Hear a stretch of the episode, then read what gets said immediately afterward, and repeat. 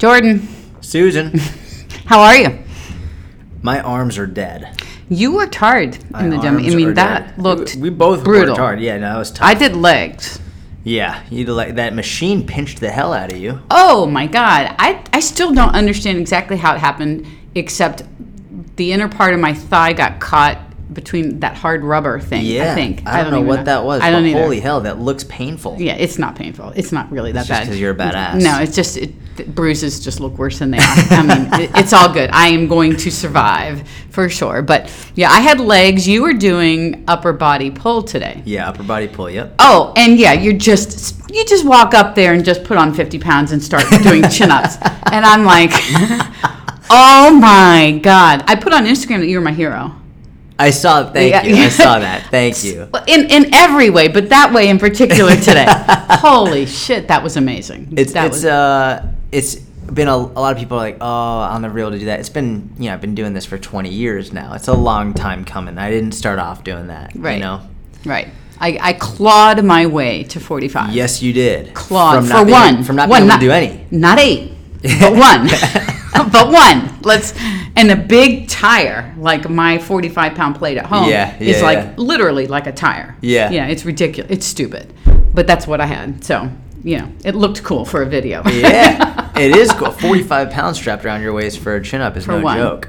But now with the shoulder, I feel like I'm gonna be I'm gonna be kind of d- laying the groundwork again, and I think what I'm gonna do when it's time, um, and I started that process to weighted chin ups during the pandemic back in 2020 when we were all locked in at home, basically, Mm-hmm. Yeah, right? yeah, Um, I just greased the groove kind of thing every day. Yeah, I remember. And and then when it when they got weighted, I went like to every other day, every two or 3 days, Mm-hmm. because I just couldn't take all of that every day.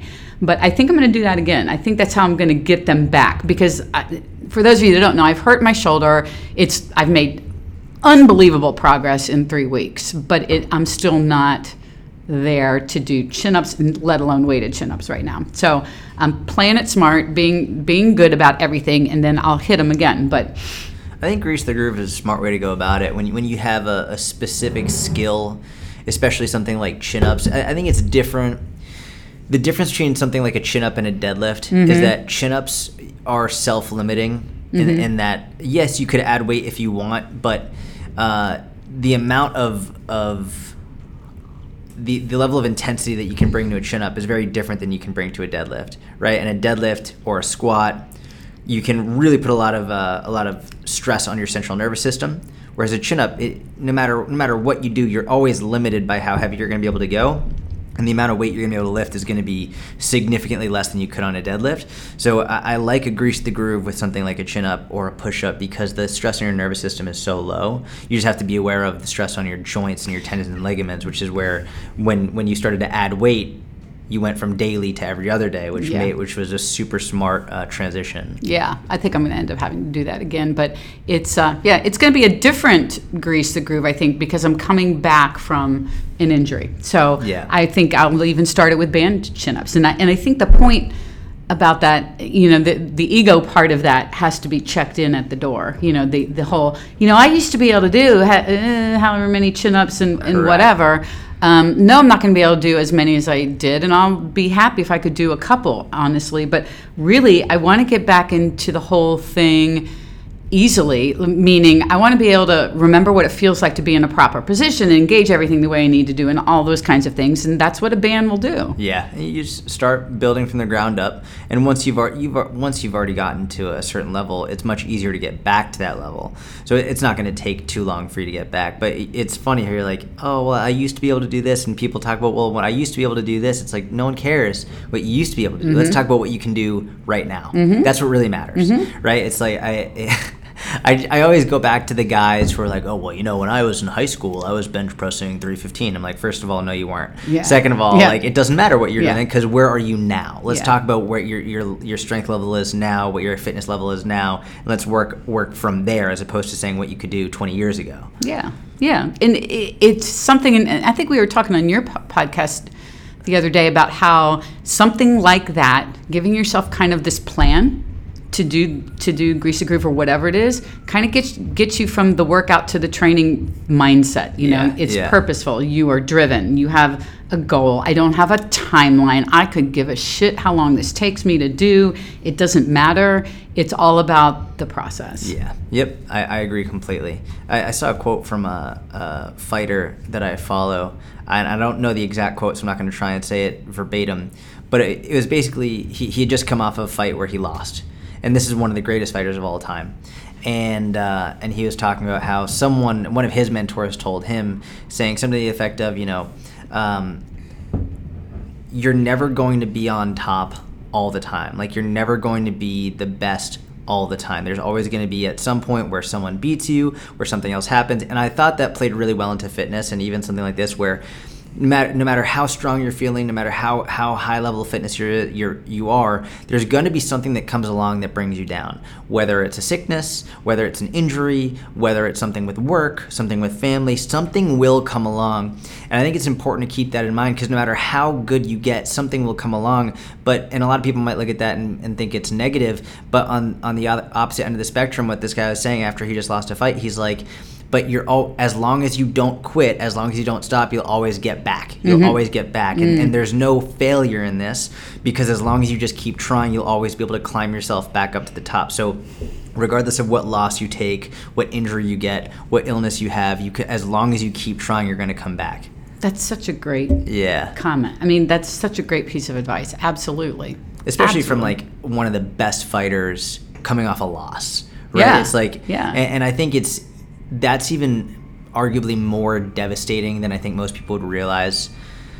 Preparing for a fight three, six, eight, sometimes twelve months in advance. And it's not just like a one injury. It's like you go in a cage against somebody else after all this build up, all this marketing, all this stuff, and, and you just you get demoralized. Like you you're out for weeks and months at a time. Things are broken. Your eyes are shut or closed shut. Like you, it's just you're physically, mentally, emotionally demoralized. And for him to come out of that and just be like, it's okay. Like Yeah. I'll be right back up on top. This happens. Like I love. It, it really is a choice of in terms of you're being optimistic or you're pessimistic. It's a choice. It would have been much easier to be like, maybe this is it. Maybe my career is over. What am I gonna like? Whatever. Like Woe I'm is done. me. Mm-hmm. Woe is me. But instead, it comes out and be like, it's all right. I'll be back on top. Like I love that. I love that and and admire that. That's crazy because you don't hear that much at all. Correct, from yeah. professional athletes or in anything, right? Or, or anybody, right? Someone's like, oh, like I injured my ankle or I injured my shoulder. I can't work out at all. Yeah. No, no, no, no. Of course you can. of course you can. And stop acting like this one injury is the end of the world or that Yeah. all your progress is going to be lost. Like you'll get right back on it. Yeah. It's that's or you won't.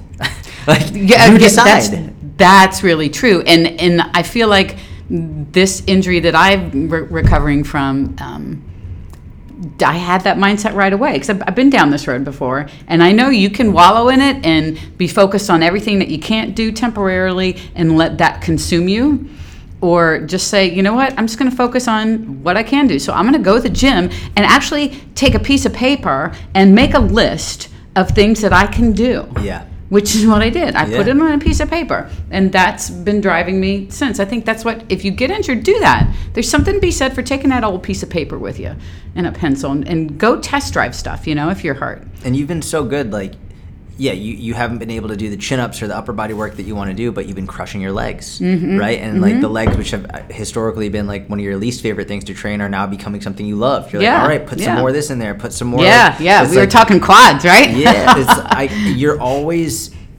you're very much of that same mindset where it's like, what's the point of just dwelling on what I can't do right now? It's like I'm gonna focus on something I can do and Yeah. get and make the most of it and get better while I, while I can, and then when things get better with my shoulder, then I'll get back to that. Yeah, I mean, injury is such a mental game anyway. It's Yeah. it's and and the the whole old school thinking of rest.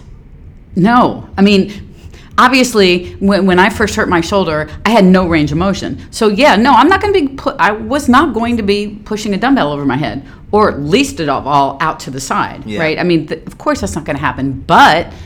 I could pull like nobody's business, you know. So um, that's what I was focusing on, and and that's what you know we're talking about building stuff around for me, and um, yeah, it doesn't mean that I'll uh, never be able to do those again. Exactly. You know, I mean, they're just going to come when they're ready. And you're already working back to it. You're Yeah. overhead pressing 20 on each Uh, side. yeah, like, yeah, yeah. yeah, yeah, yeah, absolutely. Well, let's start off here. Um, let's talk about this study that just came out about metabolism because Mm. I think it's been everywhere, and people have been taking it differently. Yeah. you know, which has really been interesting. Like the reaction from some people. They don't want to hear it, and then others are like, "Hallelujah!" You know, I mean, it's. Yeah. really interesting. Um, so, why don't you kind of summarize what that study actually was, and and we'll go from there. Yeah, so so this is something that I've hypothesized about for years and years. Uh, growing up, we've always been told that as you get older, your metabolism slows down, which makes weight loss harder. Um, and as I looked more and more into re- the research, I was like, a lot of this research is flawed. It's not been done on people who continue to strength train throughout the, their their life. It's not been done with people who uh, pay attention to their protein intake and making sure they're getting sufficient protein, or even necessarily even paying attention to their health. It's all very much correlational, and it's it hasn't been great studies. And this study comes out and it shows it's, it's the most comprehensive study to date on metabolism as you age. And it shows exactly what I hypothesized that as you get older, your metabolism really doesn't change much. From between 20 to 60 years old, your metabolism stays relatively consistent. And this is for both men and for women. And once you hit 60, you can see a slight metabolic decline of, of about 0.7% per year. And that's nothing. It's I mean, nothing. It's it's it's it's minute, and I still don't know.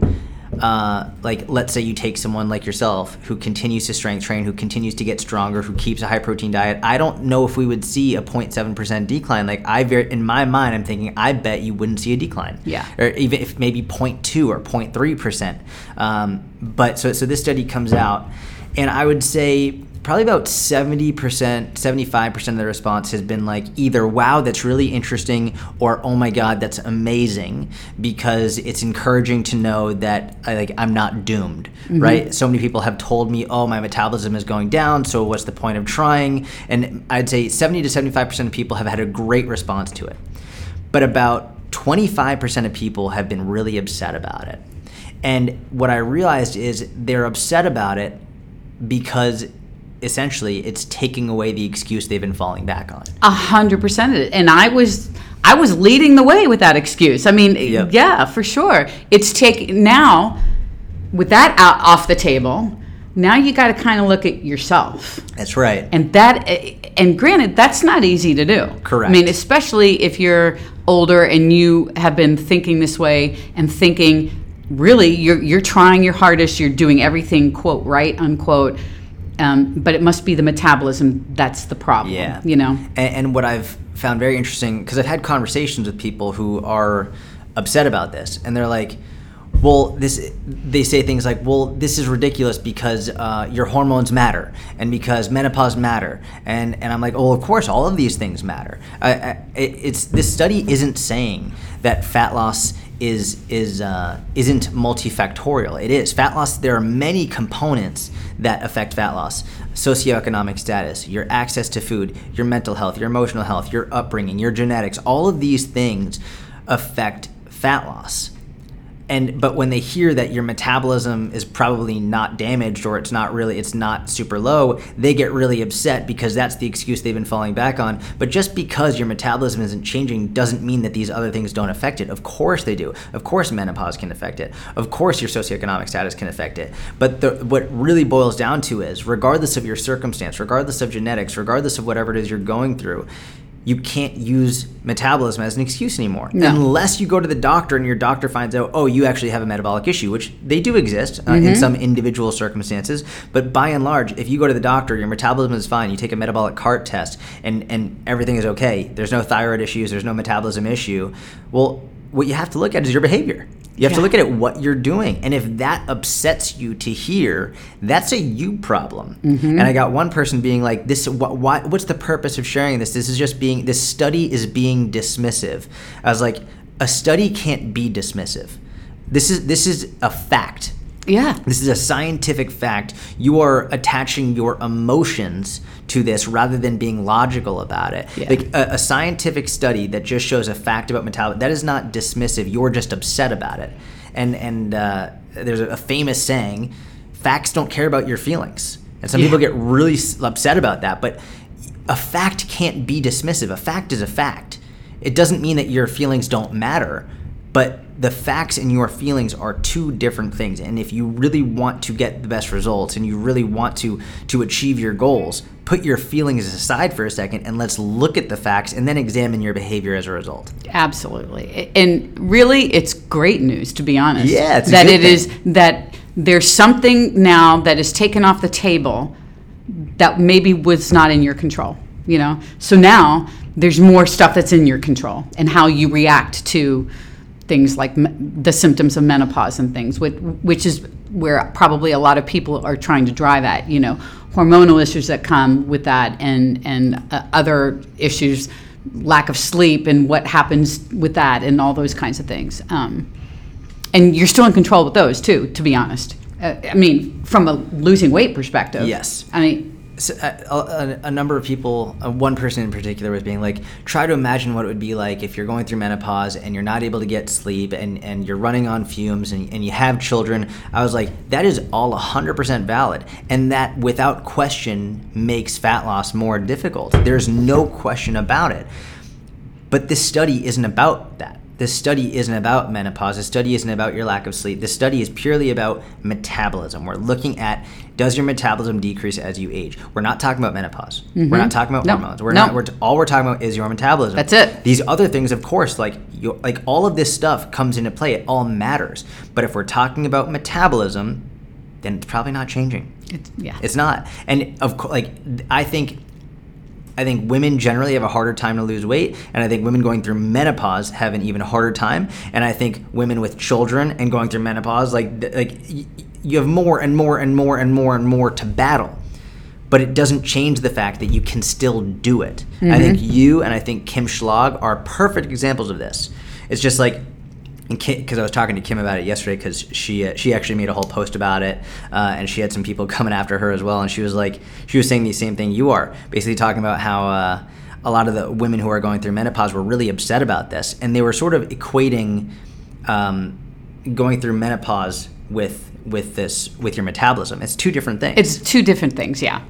Absolutely. And I think that's what the, everyone's feeling that it's lumped together and, it- and it's not. It's it's two separate things. And when you think of it that way, um, maybe it's a little bit clearer. It's not as as as blended or whatever. It's it's a completely different thing and it's great news. It really the bottom line is it's great. Yes. Because now you are in control of something maybe that you thought you weren't that's exactly right you know so good okay so we're going to get into a few questions you ready let's do it let's do it first question i get this one every now and again too um, my low back always hurts when doing any kind of rows any advice when doing any kind of rows. Interesting. Um, I guess it depends on what type of row. I would imagine it's probably not hurting when you're doing like a chest supported row. Um, i'm assuming a bent over row a of some- dumbbell row or yeah, something like that. yeah. So usually uh, there's one of two potential issues, and it could be combined. Um, number one is you're not bracing properly.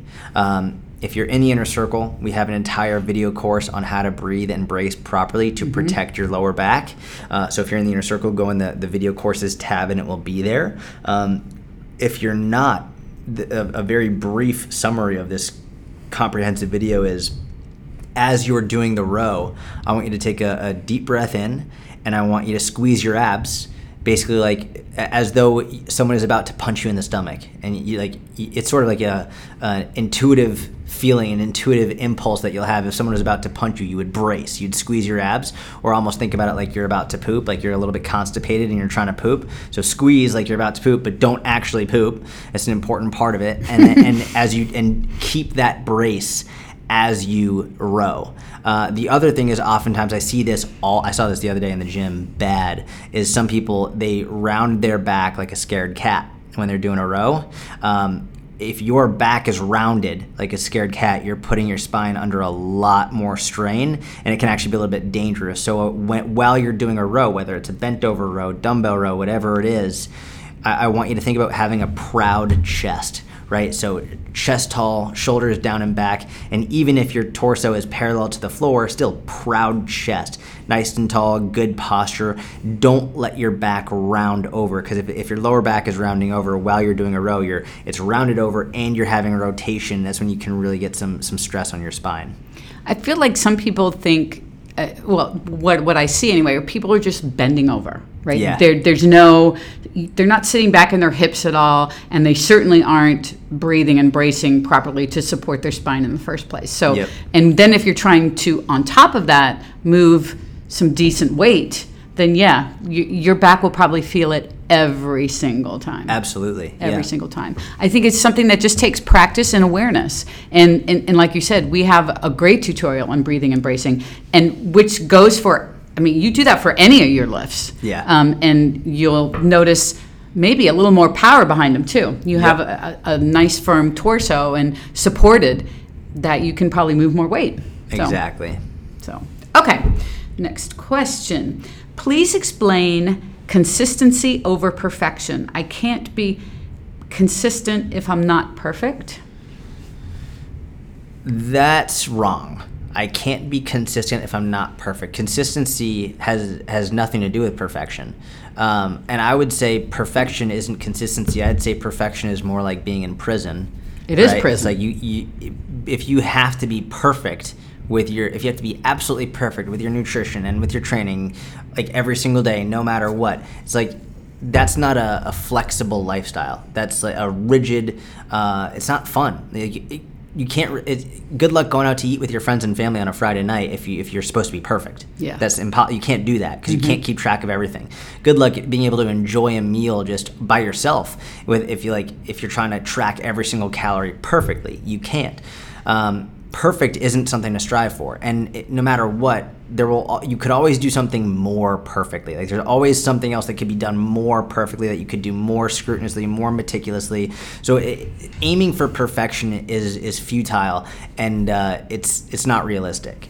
Uh, so consistency is, I mean, it, it's hard for me to describe this other than you're you're doing enough to see results on a consistent basis. So if I can sort of break this down, in the inner circle we have calorie ranges, right? So let's say your calorie range is somewhere between 1800 to 2000 calories, right? And a consistent amount of days to fall within that calorie range would be about 25 days out of 30. So if you can fall within that range 25 out of 30 days every month, you're being about 80% consistent. That's great. You'll see great results with that. Mm-hmm.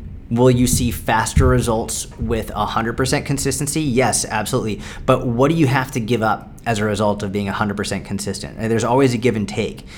Do you have to give up your Friday nights going out with your friends and family? Are you not allowed to eat dessert? God forbid you go over your calories on one of those nights. It's like we're not. It, no one in life has ever been happy about saying they're one dimensional in anything, right? Being one dimensional is not a compliment. You wouldn't tell your friend, wow, you're very one dimensional. It's like you want to be multi dimensional.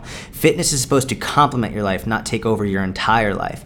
So if you're being perfect, with your fitness, then that means you're not being uh, consistent in other areas of your life. You're giving up other areas of your life that are equally, if not more important. So the goal here is to be as consistent as possible while also still being able to enjoy your life, enjoy your friends, enjoy your family, enjoy your favorite foods, be able to go on vacation, be able to, to focus on your work and make sure you're putting in high quality work when you're there, not focusing 100% all the time just on your fitness. Because if that's what you're doing, that's not a healthy relationship with food or with fitness, and that's where perfection becomes prison. Oh, yeah. And when you're in that prison, your anxiety level will be through the roof. Mm-hmm. I mean, and, and you just can't live like that. So in, consistency is just most of the time. It, it's not every day, all the time, but it's most of the time Yeah. that you are doing what you're supposed to be doing to, to get towards your goals. That's it. And and that little bit of leeway is, it, guys, you got to have it, or or as you said, you you won't reach it. It's unrealistic. And um, yeah, it, life sucks. I mean, it is a prison. I lived that prison for way too long. It is. It's. It's just un. Unrealistic and it, it's it's miserable. Yeah. Yeah. I don't know how to say it. It's just miserable. And in terms of like long term progress and success, this is really important. I would rather you be consistently good than inconsistently perfect. And this is this is what most people do. You you can't be perfect all the time, all day, every day, years in, years out. It's impossible. You mm-hmm. can't. Some things are going to come up. It's impossible. So if your only standard of success is perfection, you're setting yourself up for failure because you won't be able to maintain that for a long time. I would rather you be consistently good for 20 years than inconsistently perfect over those 20 years, right? Because if you are consistently good for that entire time, you'll make incredible progress. You'll get stronger, you'll lose fat, you'll build a great physique, you'll be more athletic, you'll be mobile, you'll have a great relationship with food, all of that. But if you were inconsistently perfect, what you'll be perfect for a week and then you'll give up for two months, and then you'll be perfect perfect for two weeks and then give up for another month. It's like, what is that? You won't make progress that way. At all. It- It's being consistently good is infinitely better than being inconsistently perfect. Yeah, I love that. Totally agree. Okay, how do you control cravings when getting your period? I want to eat everything. I'm gonna let you start with that one. Yeah. So I think one thing to do is to kind of plan for it. You know, um, one that one week or however long it is when you get your period, plan on eating more calories. Like structure it. Go into maintenance that week even. So now you have more calories on board. You can. Um, you have more calories to, to have whatever you might be craving, whatever it is you're going to keep calories under control. And I think a lot of people look at that as, well, wait a minute, I'm going to lose all my progress. And it's like, no, it's maintenance. Mm-hmm. You're not going to lose it. You, what, what you're doing is preventing yourself from going off the rails. And then maybe losing some progress, right? Yep. So you bring your calories up just a little bit for you to maintain where you are, but you have enough calories so you can eat more food so you feel full i mean you feel more satisfied all the things because your hormones are playing all kinds of tricks on you during that week anyway um, it's a tough week then when when everything's done you're you're feeling better go back into a deficit i mean i think it's just planning for that Yeah, yeah, I agree. Listen, I, I've never had a period, and I, I, don't, I don't think I'll ever have a period. Uh, the vast majority of people I've worked with are women. The vast majority in the inner circle are women. Uh, so I, I have a lot of experience working with people through this time period. So take my advice for whatever you think it's worth. But I, I think what you just said is is the best. It's like you know you're going to be hungry. You know you're going to have more cravings. So rather, I, I think what a lot of people do is it- it's actually it's very counterintuitive when their period is coming up they try and get more restrictive mm-hmm. right? They, they know they're going to have these cravings so then they get more restrictive with it which makes the cravings actually even worse. And uh, they try and resist them. But when you increase your calories you give yourself more more leeway and you give yourself room to actually be able to enjoy and to to indulge. Well it's like it's like when if I tell you don't think of a white elephant, all you're gonna be able to think about is a white elephant. For Mm-hmm. me, whenever I pass um, a fire alarm, I know I'm not supposed to pull it. All I want to do is pull, pull it. it. It's just Yeah. I, that's exactly what I want to do. So if you're if you tell yourself you're not allowed to eat these things, especially because you're craving them, well now you're gonna want them even more, and then you're like, well fuck it, it's my period, so whatever. Because you're gonna see some post on Instagram being like, just eat it, just eat it. You're like, cool, fuck it. Well I'm just gonna go eat everything in sight, and then you're gonna feel guilty about it. But if you increase your calories deliberately, allow yourself to eat it, well then it's not something that's off limits, and oftentimes that craving will diminish in the intensity. Mm-hmm. Right? It's like a lot of times these cravings we you make them worse than they are physiologically by telling yourself you're not allowed to have it. But if you allow yourself to have it, you increase calories to maintenance, like Susan said. The you might still have the craving, but it won't be as much because it's not off limits. Yeah. And if you think about it from a monthly perspective, it's one week out of four Correct. that you're not in a deficit. I mean, the other three weeks, you're, you're in a deficit. So, as far as ruining progress, no, you're still making progress actually, Mm-hmm. and probably helping yourself out a lot by keeping things kind of under control. Yeah. And and and there may be the the thought in the back of their mind too about that whole well, what we just talked about about perfection and like oh you know I'm getting off this calorie deficit you know um, it's okay. Mm-hmm. Yeah. it's okay. It's it's a form of calorie cycling, right? Where it's like you go high calories one week, then lower calories for three weeks, high calories Yep. for one, low calories for three. Like that's that's totally fine. You don't need to be in a calorie deficit every single day, every single week. It's the net deficit over time. It's sort of like think about it in terms of saving money. If you if you save money for three weeks in a row and then spend a little bit more money one week, and you can follow that pattern, save for three weeks, spend a little bit more one week, save for three weeks, spend a little bit more one week. At the end of the year, you're gonna have saved a lot of money just as long as that one week where you spend, you don't empty your bank account, mm-hmm. right? So it's like when you you when you bring your calories up to maintenance, you're not you're not in a huge surplus. You're in maintenance. It's just slightly eating a little bit more. So you're actually it's it's a net saving for three weeks, and then one week you're equal right? That's that's mm-hmm. how it mm-hmm. works. It, it, it's really really helpful. Absolutely. Okay, here's one. Um, can you talk about what muscle memory actually is? Yeah. So muscle memory it's a very overused term um, sort of like metabolism a lot of people are like oh yeah i have a slow metabolism yeah. and they have no idea what metabolism yeah, actually yeah, means right right um, muscle memory, there are different ways in which it could be used, but I think one of the, the best ways that I could portray it is I've seen people who, who when they were children, they did gymnastics or they did a sport. We'll use gymnastics. I think gymnastics is a really good example. They did gymnastics as a kid until they were like six, seven, eight, nine. Then they don't do it ever. Then they don't do it. And then at like 30 or 40, they can get back to doing the things they did when they were a kid that another person might never be able to do. It's it's I think muscle memory has less to do with your actual muscles and more to do with your nervous system. It's more to do with the patterns you create uh, at one point in your life. So, for example, if I if I for I would say probably in for uh, as long as I'm alive, I will be I will be able to do chin ups maybe even weighted chin ups better than someone who just starts trying to do chin ups at 40, 50, 60 years old because I started doing them at a very young age and I built up the, the synapses and I built up the neuromuscular connections that allow me to do that and will make it easier. So even if I took five years away from doing chin ups, I'd be able to get back to doing them relatively quickly because I have that, that, uh, that neuromuscular pattern that's able to fire and I can sort of remember it and remembering is in quotes. Um, so once you build muscle, once you build strength, once you build a movement pattern, even something like splits, for example. Um, when I was younger, I did gymnastics and I could do full side splits. Mm. And I was talking to my coach about it, and he was like, and he said he he said he was like, oh, that's going to make it way easier for you to get back to doing those splits as opposed to someone who's never been able to do them before. So muscle memory is if you if you've built up the ability to do something in the past, it's going to be significantly easier to do it again. You can also think of it like um, like a language, right? Let's say you um, when you were born, you were born in another country, and your parents and everyone spoke to you in that language, and and you were like I don't know two, three, four years old. That was the language you spoke.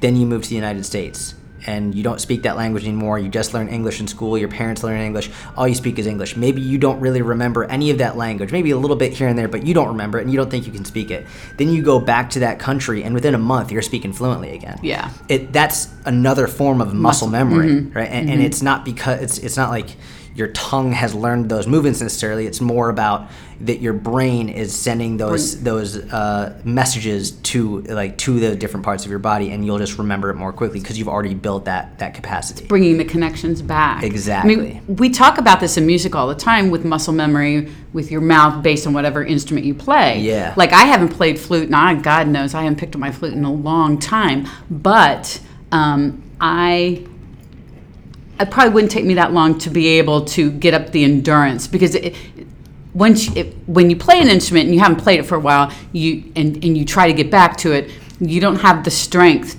or the endurance to do it as long as I used to do Correct. right out of the gate, right? But it'll come back quickly. Exactly. Because I, I will remember how to do that.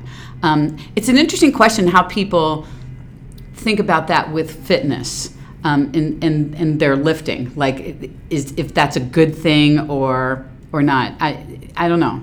Yeah, I mean it's it, gives you an advantage if you do. Yeah. It. It's why like if I if I'm blessed enough to have children, the first thing I'm going to put them in is gymnastics. Mm-hmm. I think gymnastics is is probably the best, most comprehensive thing to put a, a, young child in from an athletic perspective. It builds the foundations for literally any other sport, balance and strength, endurance, all of that. Um, so, so from from that perspective, if you've already done it, it just gives you a huge advantage. Same thing like if you if you teach a kid at a young age how to play an instrument, if you teach a kid at a young age how to play the piano, that kid's probably going to be able to learn how to play any instrument thereafter much more easily just because they have that in their brain. Because They've know how to read before. music. That's the key. Yeah. That's the key. So it, it's what it really is. Muscle memory, if we really just want to break it down to its its core principle, is you've developed a skill, and once you've taken the time to develop a skill, it's much easier to get back to that skill if you haven't done it in a long time. Yeah. that's really all it is. Yeah. regardless of whether it's strength training, with deadlifting, Whatever it lear- playing music, singing, speaking a language. It's just it. Calorie counting Yeah. calorie counting is another skill that takes time to develop. Well, like if I wanted to get back to calorie counting now, it, I would be able to do it much more quickly. Even though I haven't actually done it strictly in a long time, I, it would be it wouldn't take me too long to do it again. Yeah. Because I've already done it, and it, it's just learning the skill. That's what muscle memory is. Yeah, that makes sense.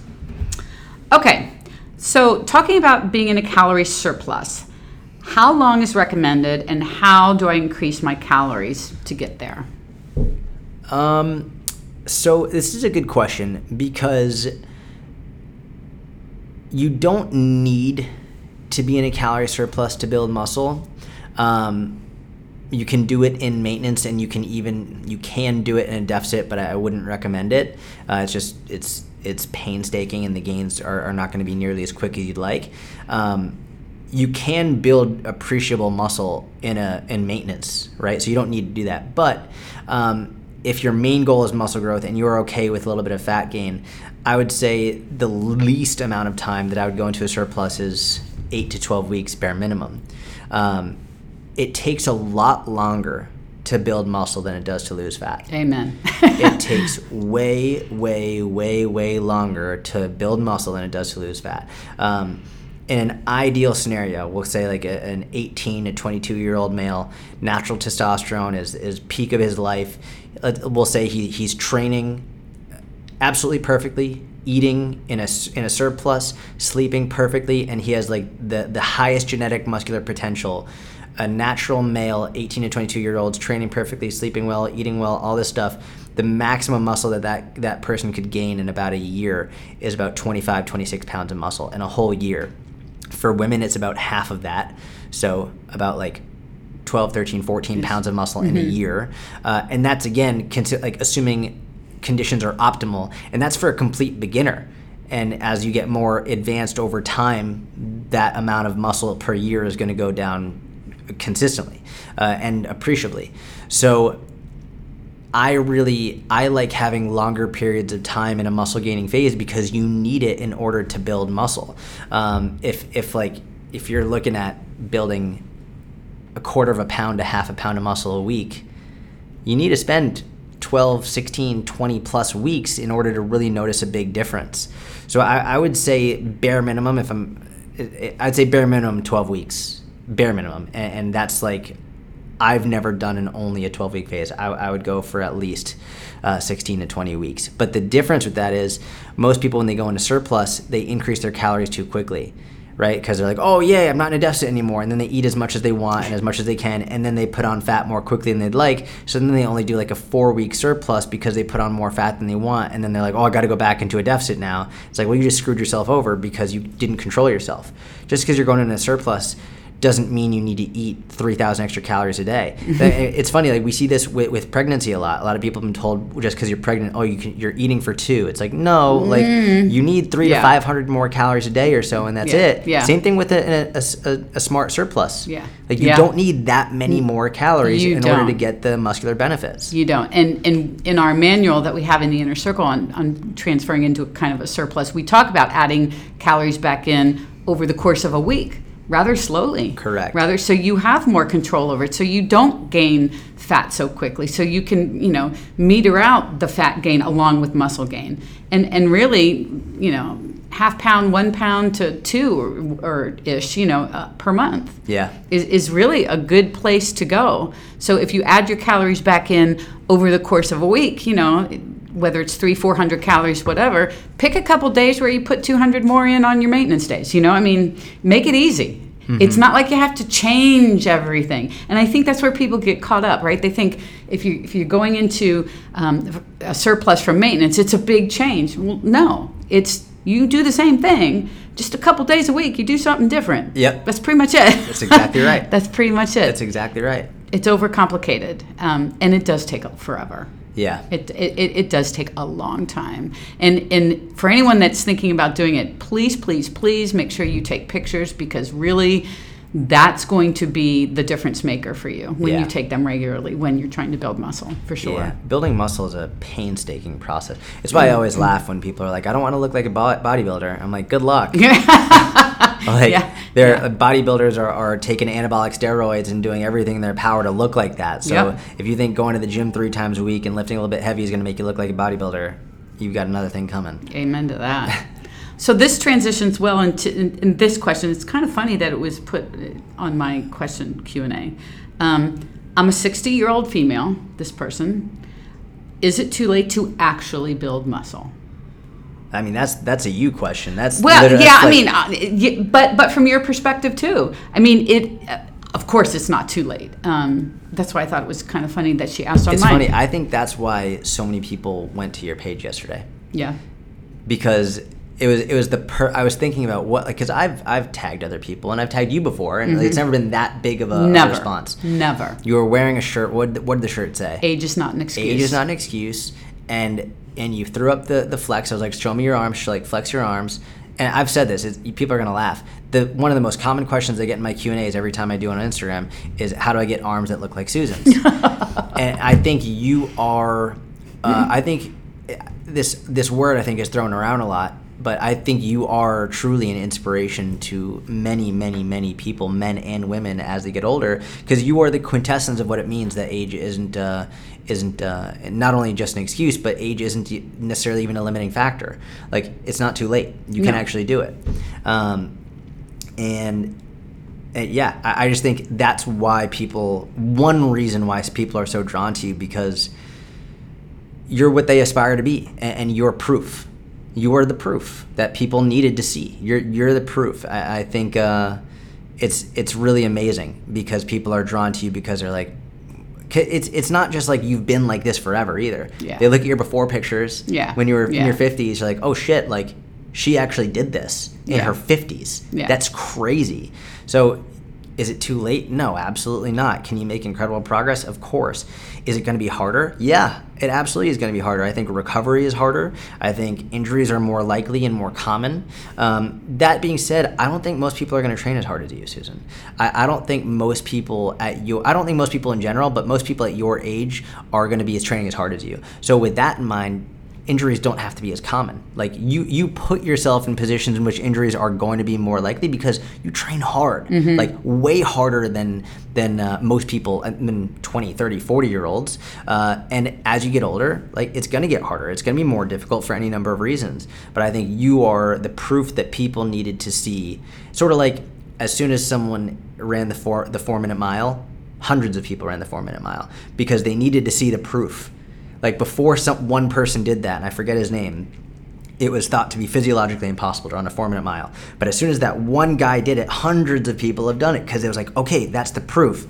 It's self-efficacy 101 Yeah. once they know that it's possible then they do it. And i think you are that proof. You you just being you and who you are has increased others self-efficacy to know all right it's worth it i can do it. Well, and that's what I want everyone to know. I mean, it's it's there's nothing special going on over here except I work hard, you mm-hmm. know, and and I I just want to be able to do this forever, literally forever. Um, but of course, it's possible. I just think it's harder than what people think it is. Yeah. and that that's where people get frustrated. They quit too early. It, you know, it, it, it's. I, I think you just need to be ready to work. Yeah. You know, because man, we don't have an advantage of our age. we don't. Correct. It's a big disadvantage. So we, we have some hurdles to overcome. But doesn't mean you can't do it. correct Doesn't mean you can't do it. I also think you need to be honest with with how hard you're willing to go and how much you're willing to commit because if you're going to compare yourself to Susan, you better compare yourself to the level of intensity Susan brings to the gym and her nutrition. Like most people are not going to be going as hard as Susan goes. And uh, never mind comparing yourself to another individual is stupid in general, just because different genetics and, and all of this other uh, other other factors come into play. But if you're going to compare yourself to someone, as stupid as that is, you better compare the intensity with which you're bringing it to the gym, because in order to improve your health, you don't need to go as as hard as Susan goes in order to just like live a healthier life it, you don't have to go that hard but if you want to like really maximize your potential in terms of strength in terms of muscle in terms of athleticism in terms of performance yeah then you're gonna have to you you better push yourself like susan pushes herself uh, if that's what you want and I yeah. think that's what people overlook is how hard you actually go. You know, it's interesting because I had a conversation with somebody last week about she was messaging me and she was struggling with weight loss and she wanted to build muscle and she didn't want to do this. She calorie counting was making her you know all these things. And i finally just said so what are you willing to do? Great question. i mean literally and i told her right now grab a notepad and you write down bullet points. What are you willing to do? You told mm. me all the things you don't want to do. So tell me what are you willing to do? Yep. Because with she said she wrote them down took a picture of them for oh me. good. Yeah and it's like she said this gave me so much clarity mm. and it really does right it, yeah. it, it does because if you're forcing that square peg in a round hole yep. you know things that you think you're supposed to do but you are not willing to put in the effort for yep. you will constantly be spinning your wheels with with building muscle at our age or losing weight at any age or whatever it is yeah yeah it's i, I love that it's a great because so many people. Are, well i don't want to do this and i don't want to do this right. i don't want to do this but i want to look like you. It's like well then you don't want to look like me because you don't want to do any of the stuff that i do. Yeah yeah. If you're not willing to put in the effort, yeah, it's just not going to happen. Yeah. And that's good to know because then maybe there will be something you'll you'll go a different direction Correct. or something and you'll be a happier person yes. and be more successful. And so it's it's not always it's a ba- it's not a bad thing. It's actually a really good thing. It's a self-awareness thing. Yeah. Yeah, yeah, yeah. yeah. What are you willing to do for whatever your goal is? I, I, love that. Instead of like, well, I don't want to do this, I don't want to do this. What do you want to do? Write yeah. it down. Yeah, write what it down. What are you willing to do? Yeah, and, and man, don't don't put it in your phone, man. You get that pad of paper yeah. and a pencil out, man. Write it down. okay, one more. Okay, and we're gonna. This is a tough love question, All so it's a good one to kind of end on because I've been on a roll with tough love yeah. the last two weeks. I feel like there's been a lot of tough love in this podcast already. So yeah, good. Yeah. Um, I have. I don't seem to have any self control to stay away from high fat, high calorie food treats, whatever, that kind of stuff. Okay. Help. Help. Um, all right, so we'll we'll play both sides of the coin. On on one hand, I think people make it harder on themselves because they've they've sworn off these foods as inherently bad, right? Or it's like when, when anyone some when anyone anytime someone says, oh, "I just I can't help myself," one of the biggest issues is that you you've demonized that food to begin with.